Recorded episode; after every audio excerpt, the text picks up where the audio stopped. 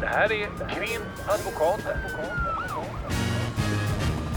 Och Krimpodden.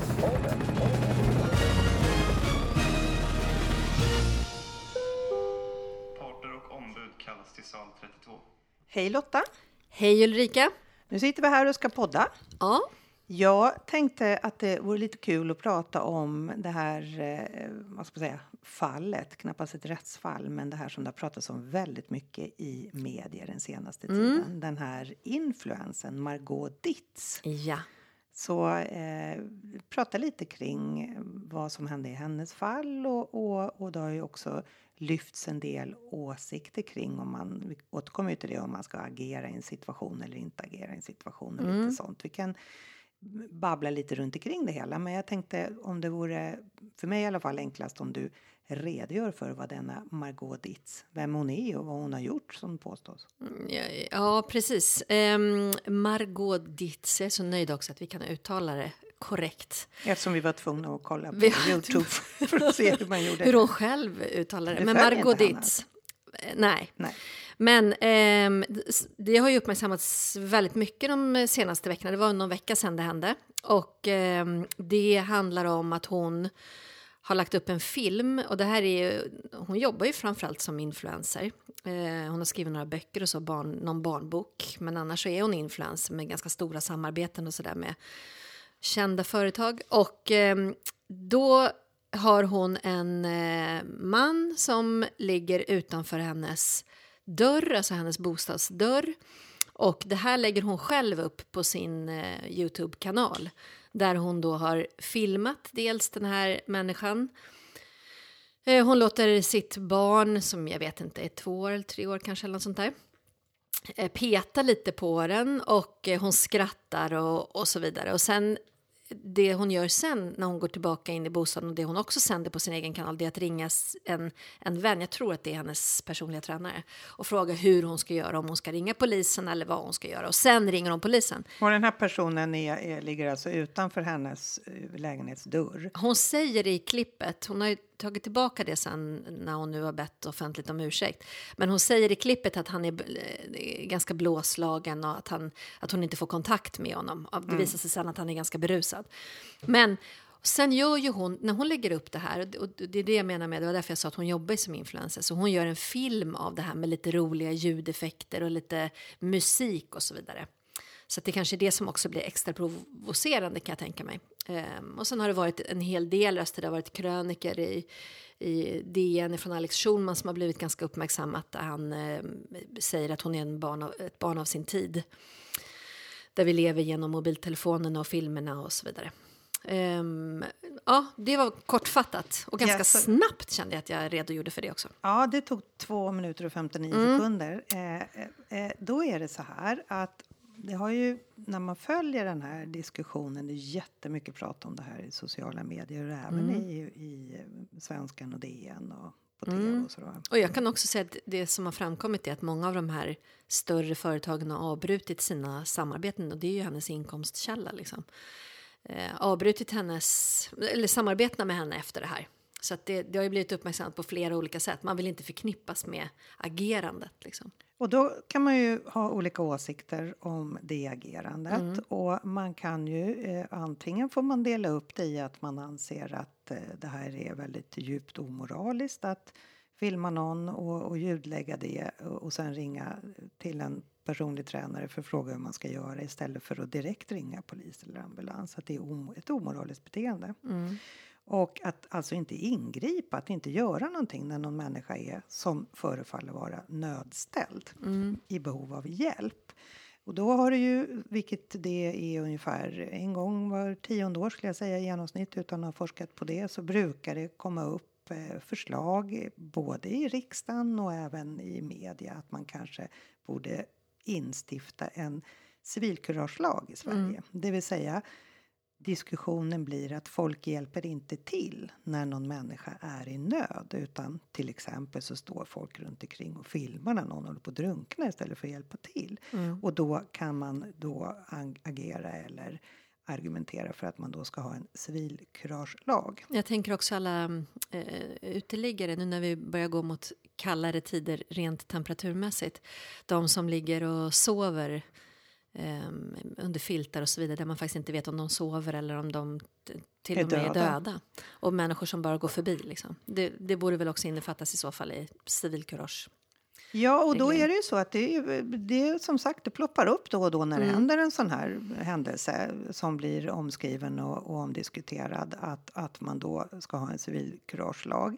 Och vad, vad man, om man ska bena ut det där juridiskt Mm. sett så är det lätt att, att lite gå vilse. För att vad vi pratar om nu det är ju att man underlåter, man, man agerar inte i en situation. Och att underlåta att agera när en person är i nöd, det är inte straffbart. Och en civilkuragelag skulle då innebära att man bestämmer sig för att det är straffbart.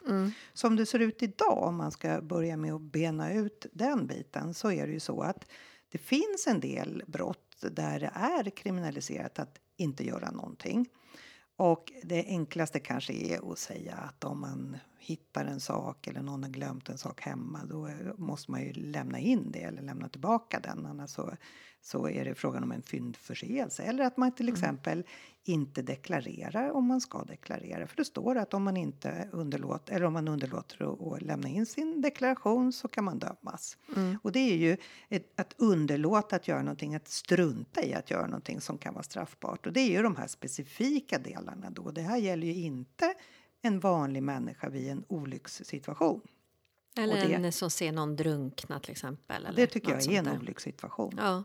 Ja, när jag tänkte det- du pratar bilolycka. Ja, okej. du har rätt i ja, det. det finns ju också faktiskt eh, regler som till exempel på sjön, att Mm. man om man är ute och, och rör sig på sjön, att där finns det regler att man måste, man måste ingripa.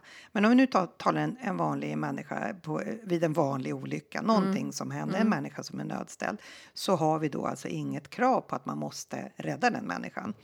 Och eh, då skulle Om man... du är en vanlig enskild medborgare. Om du är en vanlig Mm banan. Och då är det ju så att eh, då kan man tänka sig som ett exempel att du kommer ut på morgonen eh, ut ur eh, din, din, din dörr och det inte ligger någon där då utan att du knallar ut på gatan och nu pratar vi inte om det fallet.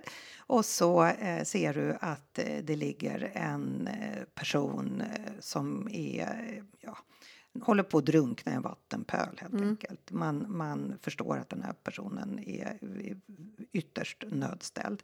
Och vad du gör det är att du eh, tänker oh, vad jobbigt, vad kallt det är ute. Jag tror jag sätter mig i en taxi här när jag vinkar in den från gatan och så hoppas du att någon annan tar hand om den där personen. Eller någon som håller på att drunkna på, på sjön eller i isen.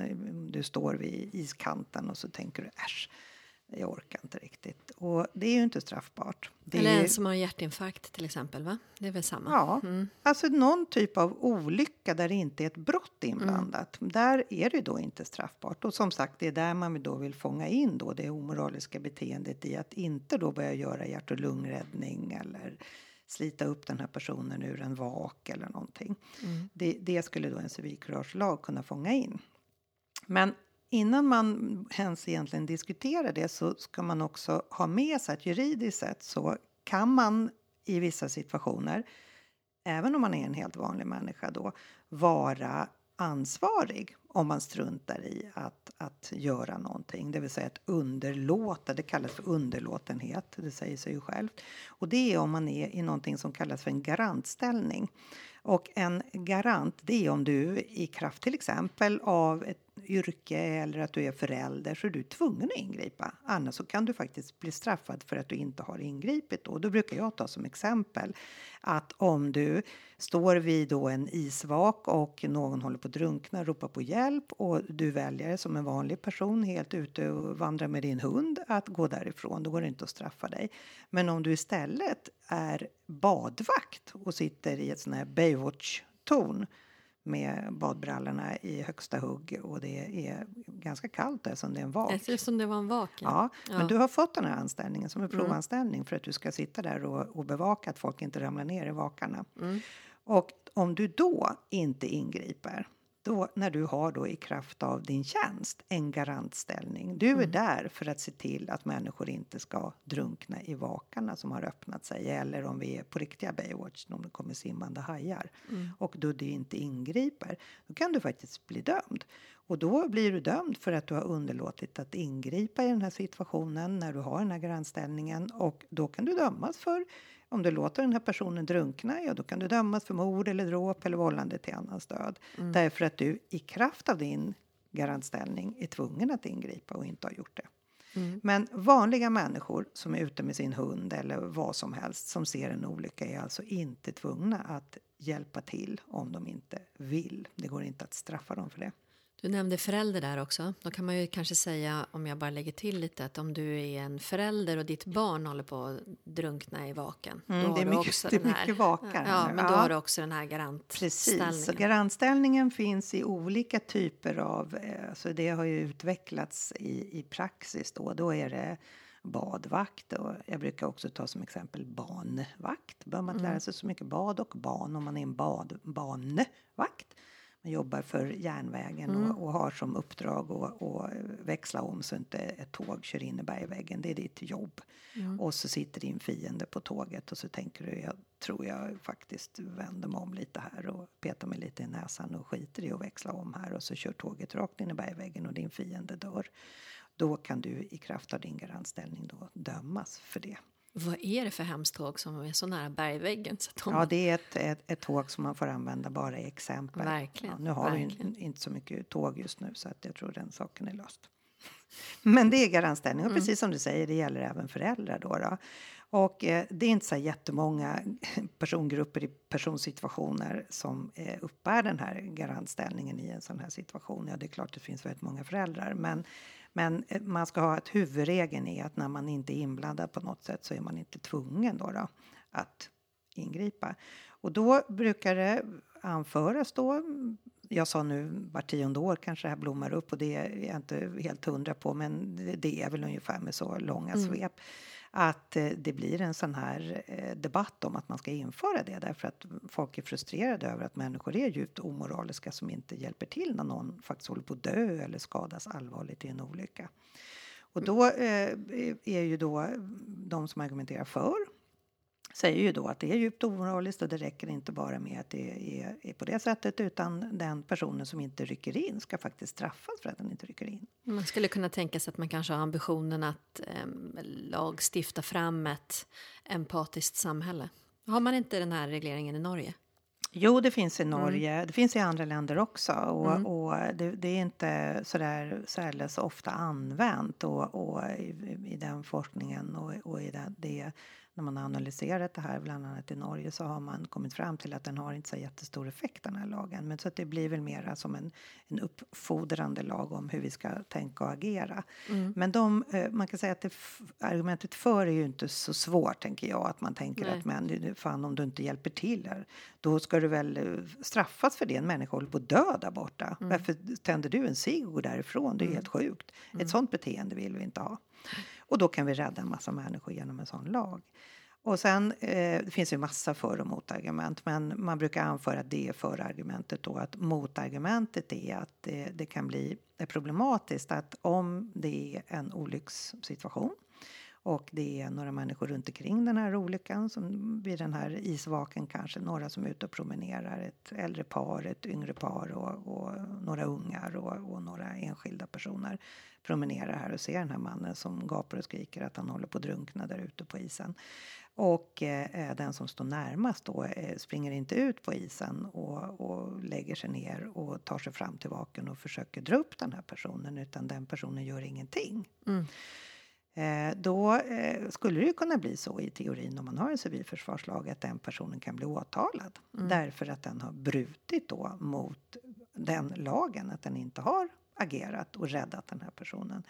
Men då brukar man säga om man är emot det här och eller menar att det kanske inte får någon effekt mer än den här uppfostrande effekten då, då att ha en sån lag. Då brukar man säga det att de här andra personerna som stod och tittade på, de vill vi ju kalla som vittnen till en eventuell rättegång för den personen som inte har gjort någonting.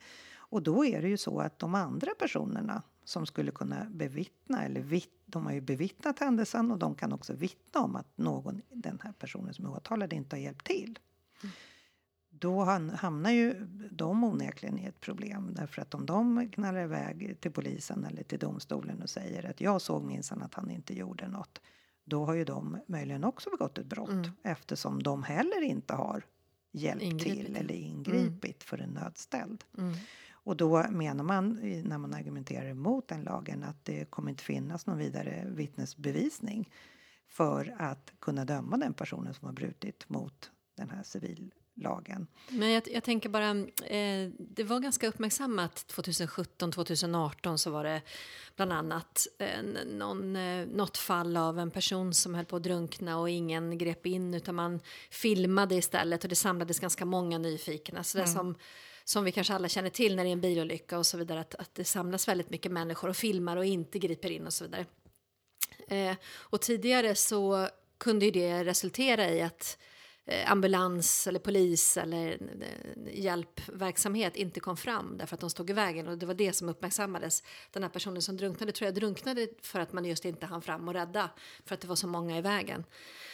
Och där har vi ju nu då, om man ska säga istället, eller nu, nu har vi den här sabotage mot blåljusverksamhet som, ehm, då, det, det gäller ju att man flyttar sig liksom när, om ambulans och polis kommer till, till plats. Ja, precis. Om man hamnar i en sån situation att det, det kommer räddningspersonal så, har man en, ja, en skyldighet. Annars Att är det kriminellt. Att flytta Ja. på sig och släppa fram dem helt enkelt. Och jag tänker att om, jag vet inte om jag drar det för långt nu, men om vi skulle ha en civil kuragelag där man är förpliktigad eller att det är kriminaliserat att inte hjälpa till, då kan det också bli att när då blåljuspersonal kommer till platsen, var går gränsen liksom? När kan jag släppa min, mitt ansvar? Det skulle kunna bli eh, ganska hemska situationer kan jag tänka mig. Ja, och, och jag tänker att, att eh, i, i debatten som har förts och som möjligen kanske blossar upp igen när de med hänvisning till det här fallet som vi pratade om i början. Så eh, det, det har ju varit så att man har i Sverige valt att inte eh, helt enkelt ha en sån lag. Och då brukar det också anföras ifrån motståndarsidan, då, de som inte tycker att man ska eh, stifta lag som tvingar människor att hjälpa till i olyckssammanhang. Att man säger att, att eh, de, de flesta hjälper faktiskt till. Och det, där har, det har man ju också tittat på att vid olyckor, om vi pratar om drunkningsolyckor eller barn som är ute och leker på, eh, inte vet jag, på någon lekplats och råkar illa ut eller sånt. Så att där i, i sådana fall, där hjälper ju människor till. Det, det är ju ganska sällsynt att såna här fall kommer upp. Eller den här människan som ligger och håller på att drunkna och ingen gör något. Det blir en jättestor grej. Men alla människor som räddas av andra människor. Det får vi ju inte höra någonting om. Om man inte får någon medalj i tidningen då. Ja, eller vi har ju de här galorna nu också, va? Veckans hjälte eller Mm. årets hjälte eller något sånt där. Jag nu kommer jag inte ihåg vad den heter, men där man också uppmärksammar på ett, på ett sätt. Så det kanske blir så att eh, även om, om det blossar upp nu igen då, då ett, ett förslag på civilkuragelag så kanske det eh, blir på samma sätt som tidigare att det kanske inte leder någon vart eller också får vi en sån lag. Men man ska ju, vad jag tycker när man pratar om det här så är det, tycker jag, viktigt att man har med sig det. I debatten kan det bli lätt fel när man anför i i media eller politiker som säger att det är förskräckligt att folk blir utsatta för brott utan att någon ingriper. Och vi ska skilja på när någon ser eller känner till ett brott som sker eller går av stapeln eller planeras att gå av stapeln utifrån en olyckssituation. För det Verkligen. vi har pratat om nu med civilkuragelag och för och emot, det handlar ju om att det är en olycka, det är en människa som är nödställd. Och där har vi ingen lag som Eller- säger att vi måste ingripa. Eller inte bara olycka, utan det här när man inte vet faktiskt om det är en nödställd. Så som man då kan dra till den här situationen när eh, Margot Ditz, då, att det ligger en, en utslagen person utanför dörren. Där är ju någon som man inte vet hur skicket är så att säga. Men det Där är ju har inte man ett ingen brott. Hon, Nej. alltså det vill Men- säga, det är ju inte ett brott hon åser. har Hon, inte- nej, inte- ser inget brott och hon har inte gjort, eh, hon har inte för det är det vi ska komma in på nu. Ja, exakt. Jag- Hade det varit så att hon hade öppnat dörren och hon ser att det är någon som begår ett brott eller planerar ett brott eller får kännedom om att det här ska ske, då är ju saken annorlunda. Ja, jag, jag tänker, jag kommer, jag kommer gå in lite på det med underlåtenhet, men du och jag brukar alltid säga att du står för det negativa och jag för det positiva. Jag måste ändå säga att när vi kollade igenom och förberedde den här podden eh, och gick igenom, du var lite inne på det, det här med som man kallar åskådareffekten. I psykologisk forskning finns ju jättemycket forskning på, på det här, jätteintressant. Och då, precis som du säger, att man kan konstatera att det är inte alls så som jag tror är en ganska vedertagen uppfattning. I alla fall enligt, enligt mitt perspektiv att folk inte hjälper till utan att det finns forskning som visar att om det är eh, väldigt många människor och det är bara, det krävs inte mycket att någon gör någonting. Att det har en tendens att flera då griper in och faktiskt, faktiskt gör någonting. Det, det är ändå en positiv eh, sak att känna till. Ja, och då när det gäller, om, om vi då går över till den här brottsdelen då, Ja. som vi ska närma oss nu, så då, där har man ju också tittat på, eh, där man undersökt eh, om folk hjälper till när någon blir utsatt för ett brott Mm. genom att titta i övervakningskameror och kunnat se då och konstatera att eh, ingripandegraden är mycket högre än, än snacket går. Ingen hjälper till när någon blir utsatt för ett brott. Alla står och filmar. Men när man då har tittat på övervakningsfilmer så har man kunnat se att det ser inte ut så. Folk hjälper till i Folk mycket högre hjälper till utsträckning i högre utsträckning. Och vissa studier visar på att till och med att när det filmas att man då också är benägen att hjälpa till för att man också har man, man säkerställer bevisning på ett sätt Mm. och att folk då också känner sig kanske tryggare eller det kan ju finnas olika anledningar. Men det, det är ju glädjande att, Mm. att ta del av sån eh, forskning måste jag säga. Men vad gäller då när det är ett brott, om man ser ett ett brott om man underlåter att eh, förhindra eller eh, stoppa helt enkelt. Eh, då är det vissa typer av brott som, eh, om, det då, om det är det som man ser. Och då, nu har vi väldigt mycket uppfattningar om att det är någon generell uppfattning bland människor, men det måste jag säga, det är ju ganska långt ansvar vad gäller att förhindra pågående brottslighet. Alltså det är väldigt många brott. Ja, jag tror att många i, i den debatten när vi har kollat lite och så som i, i det samhälle vi lever i eh, när man läser och så, så är det ju, verkar det vara ganska många som tror och då pratar vi om eh, politiker och, och vi pratar om människor som kanske borde veta. Eh, där många tror då att det är inte straffbart på något sätt och att en civilkuragelag på något sätt skulle hjälpa till att göra det straffbart om du känner till att ett brott ska ske eller pågår. Då har man liksom missat att vi pratar om olyckshändelser och nödställda och på andra sidan eh, så staketet så pratar vi om brottslig verksamhet. Och där är det straffbart i ganska många brott att faktiskt inte ingripa. De flesta, om man ska säga allvarliga brott. Eh, misshandel som inte är ringa, det innebär ju misshandel normalgraden. Ja, det är om Mord, jag ger såklart. dig en snyting här nu med Ja. knuten hand. Om jag ser det eller om jag vet att du är på väg att, att göra det så har jag en Mot skyldighet någon annan att, än dig mot någon då. annan än mig själv såklart, så har jag en skyldighet att Mm. ingripa. Annars kan jag bli åtalad eh, för underlåtenhet. Mord Att såklart. avslöja brott då. då Att ja. avslöja. Ehm, mord, dråp, ehm, kanske är självklart. Människorov, då, då pratar vi de här riktigt allvarliga. Men även rån, eh, normalgraden, eh, grovt rån såklart. De flesta grova liksom. Ehm, Skadegörelse, grovt Skadegörelse. Mm. grovt, det tyckte jag var intressant. Eh, och så mordbrand och sen de här väldigt allvarliga Terrorbrott myteri och, och, ja, precis, folkmord och, och de givetvis. Men, Men också sabotage långt- mot Ja, blåljusverksamhet. precis. Att det går ganska långt ner på straffskalan. Mm. Och att det omfattar också kanske, eh, om man säger ganska många, inte kanske då, utan det omfattar ganska många av brotten i brottsbalken Mm. och i specialstraffrätten också givetvis. Men, men eh, att människor kanske tror då, eller framförallt när vi har suttit och retat oss på vad politiker uttalar sig om och Mm. menar att det inte finns en sån lag. Det är bara att läsa till i brottsbalkens 23 kapitel så kan man ju hitta vad det är som, som just är underlåtenhet att avslöja brott. Där finns det hänvisning och uppräkning av alla de här och våldtäkt också ska sägas. Mm. För där pratas det ju också, kanske inte vart tionde år, men vart tredje år att, det, att man inte är skyldig att ingripa om det pågås. Om det håller på att ske en våldtäkt som man är medveten om och sådär. Men det har man en skyldighet. Det är kriminaliserat att inte förhindra Och vad, vad någonting består den skyldigheten i då? då?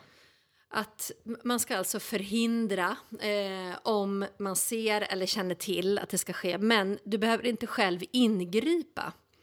Eh, säg till exempel eh, du ser att någon blir knivhuggen på, på gatan eller jagad av en person som har huggit och sen fortsätter att jaga och är uppenbarligen på väg att hugga igen. Då har du ingen skyldighet att, att stoppa den personen, för det kan ju vara förenat med fara för dig själv. Och det behöver du inte utsätta dig för. Men däremot att ringa polisen eller ta dit andra människor, kalla på ordningsvakter eh, exempelvis. Men framför allt ringa polisen. Och vad man säger då, det, är, det finns ett undantag och det är ju att om det är fara för en själv eller någon närstående. Eller någon närstående. Och där kan man ju till exempel det. ha, för det finns ett ansvar för föräldrar, här kommer vi tillbaka till föräldraransvaret. Om man vet eller ser att ens barn, vet att ens barn är på väg att begå ett brott med säkerhet eller att man ser barnet begå ett brott så har du också som förälder en skyldighet. Du kan, en, du kan åtalas för underlåtenhet om du då inte försöker eh, avstyra det här. Om det inte är så att det då är förenat med risk för dig eller annan. Och då kan det ju vara till exempel barnet. Säg att det skulle göra att barnet blir eh, slaget eller knivhugget om det kommer fram att man har ringt polisen och så vidare. Då skulle man ju kunna argumentera att det finns en risk för fara i det hänseendet. Och då, finns, då har man inte samma straffansvar. Men, men generellt ska sägas så är det en, en eh, tämligen omfattande skyldighet. Det måste man väl ändå säga. Och att människor också döms för att de har underlåtit att avslöja brott. Ja. Men som sagt, man kan tro av, av debatten att, att det inte är på det sättet trots att vi har en sån lagstiftning. Och det är just därför att jag tror att man misstar sig i att man, man blandar ihop det här med olyckssituationer och brottsliga situationer. Så att inte, om man, att inte då ringa till polisen när man kan göra det eh, utan fara för sig själv då. Eh, det, det är straffbart helt enkelt. Mm. Och man kan dömas för det. Mm. Men- Max två år ska sägas. Mm. Det är maxstraffet för underlåtenhetsbrott. Mm. Om det då är en, eh, en sån situation, och då blir det ju kanske både ja, sannolikt eh, gärningspersonen blir dömd Mm. och sen blir du själv dömd. Och då skulle det ju eh, kunna vara så i teorin i alla fall att gärningspersonen blir dömd till ett lägre straff än du själv. Mm. Mm. Ja, Nu blir det inte riktigt så. Nej, men, i teorin skulle Ja, det kunna... Mm. mm. Ja, då Men- har vi klargjort det. Och det vi har klargjort då det är, är eh, eh, att jag förefaller vara ganska tjatig och det är därför att jag tycker att det är viktigt att göra skillnad då att när en nödställd person är i nöd då har vi ingen skyldighet att ingripa. Men när vi ser ett brott eller vet att ett brott planeras då har vi en skyldighet att ingripa. Mm. Och det är jätteviktigt att göra skillnad på det om man ska argumentera i, för eh, politiska förändringar eller lagstiftningsförändringar Mm. så är det ju på sin plats att man känner till den skillnaden om man som politiker anser att det ska komma en ny lag och det redan är så att det finns en sån lagstiftning. Exakt, och att man är tydlig också i argumentationen att man menar två helt olika saker. Om det nu Exakt. är så att man känner till. Bra. Tack Då- för denna gång. Då tackar vi och eh, går ut och kanske hoppas att vi kan rädda någon liten igelkott kanske. Vi tackar för oss i alla fall. Ja.